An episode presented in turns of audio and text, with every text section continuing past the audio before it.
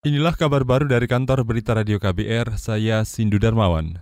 Saudara bekas Menteri Kelautan dan Perikanan Susi Pujiastuti menyarankan pemerintah tetap melanjutkan kebijakan penenggelaman kapal pencuri ikan. Susi beralasan penenggelaman kapal merupakan perintah undang-undang.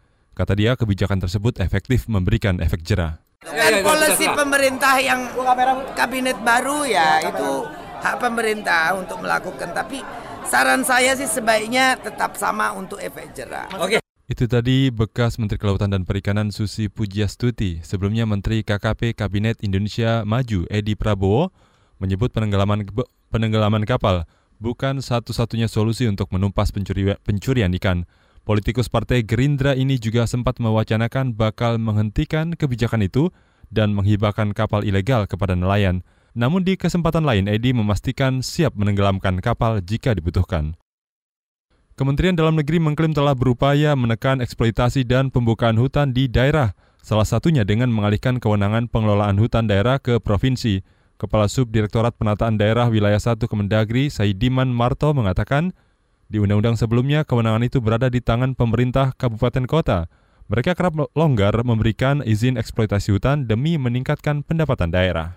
Masalah kewenangan hutan di Undang-Undang 32 itu masih di kabupaten selanjutnya ditarik ke provinsi di Undang-Undang 23. Kenapa? Kita punya data dan Ibu juga harus melihat data bahwa pada saat dikelola kabupaten kota, deforestasi itu pembukaan lahan yang menyebabkan eksploitasi hutan itu sangat besar. Kenapa? Karena daerah itu membuka hutan untuk meningkatkan PAD.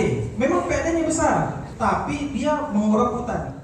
Kepala Subdirektorat Penataan Daerah Wilayah 1 Kemendagri Saidiman Marto berjanji bakal memperkuat sinergi dengan instansi terkait seperti Kementerian Lingkungan Hidup. Sinergi ini demi menekan laju deforestasi di daerah.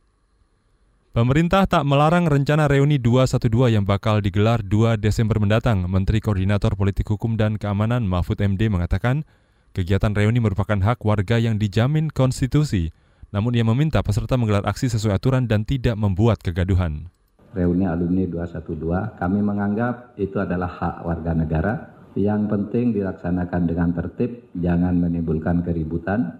Pemberitahuan tentu sudah disampaikan kepada eh, pihak kepolisian sesuai dengan ketentuan undang-undang dan kita mempersilahkan tetapi supaya diatur dengan sebaik-baiknya sekali lagi untuk tidak menimbulkan eh, apa namanya pelanggaran hukum. Menko Polhukam Mahfud MD menambahkan aparat bakal mengawal jalannya reuni dan memberi perlindungan kepada para peserta. Namun ia juga mengingatkan agar mereka menggelar dengan tertib dan tidak melanggar aturan. Sebelumnya Ketua Reuni 212 Awit Masyuri mengklaim ribuan warga akan memadati lapangan Monas 2 Desember mendatang. Mereka bakal menggelar sejumlah kegiatan termasuk zikir bersama.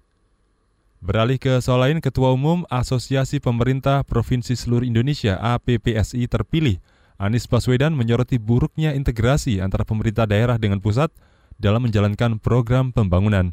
Anies mengatakan buruknya integrasi sering kali disebabkan karena lokasi daerah yang jauh dari Jakarta. Gubernur DKI Jakarta ini menyebut kondisi itu juga dikeluhkan para gubernur dalam pertemuan asosiasi kemarin bahwa sering perencanaan kita itu berasumsi daerahnya daerah kontinental, bukan daerah perairan. Jadi ukuran-ukuran atas biaya, ukuran atas rencana pembangunan itu lebih bias kepada kawasan daratan. Untuk kepulauan jadi sering kali anggarannya kurang, programnya kurang. Ketua Asosiasi Pemerintah Provinsi Anies Baswedan yakin lembaganya bakal memfasilitasi rencana pembangunan agar selaras antara pusat dengan daerah. Kata dia, asosiasi juga sepakat meningkatkan perdagangan antar wilayah. Demikian kabar baru dari kantor Berita Radio KBR, saya Sindu Darmawan.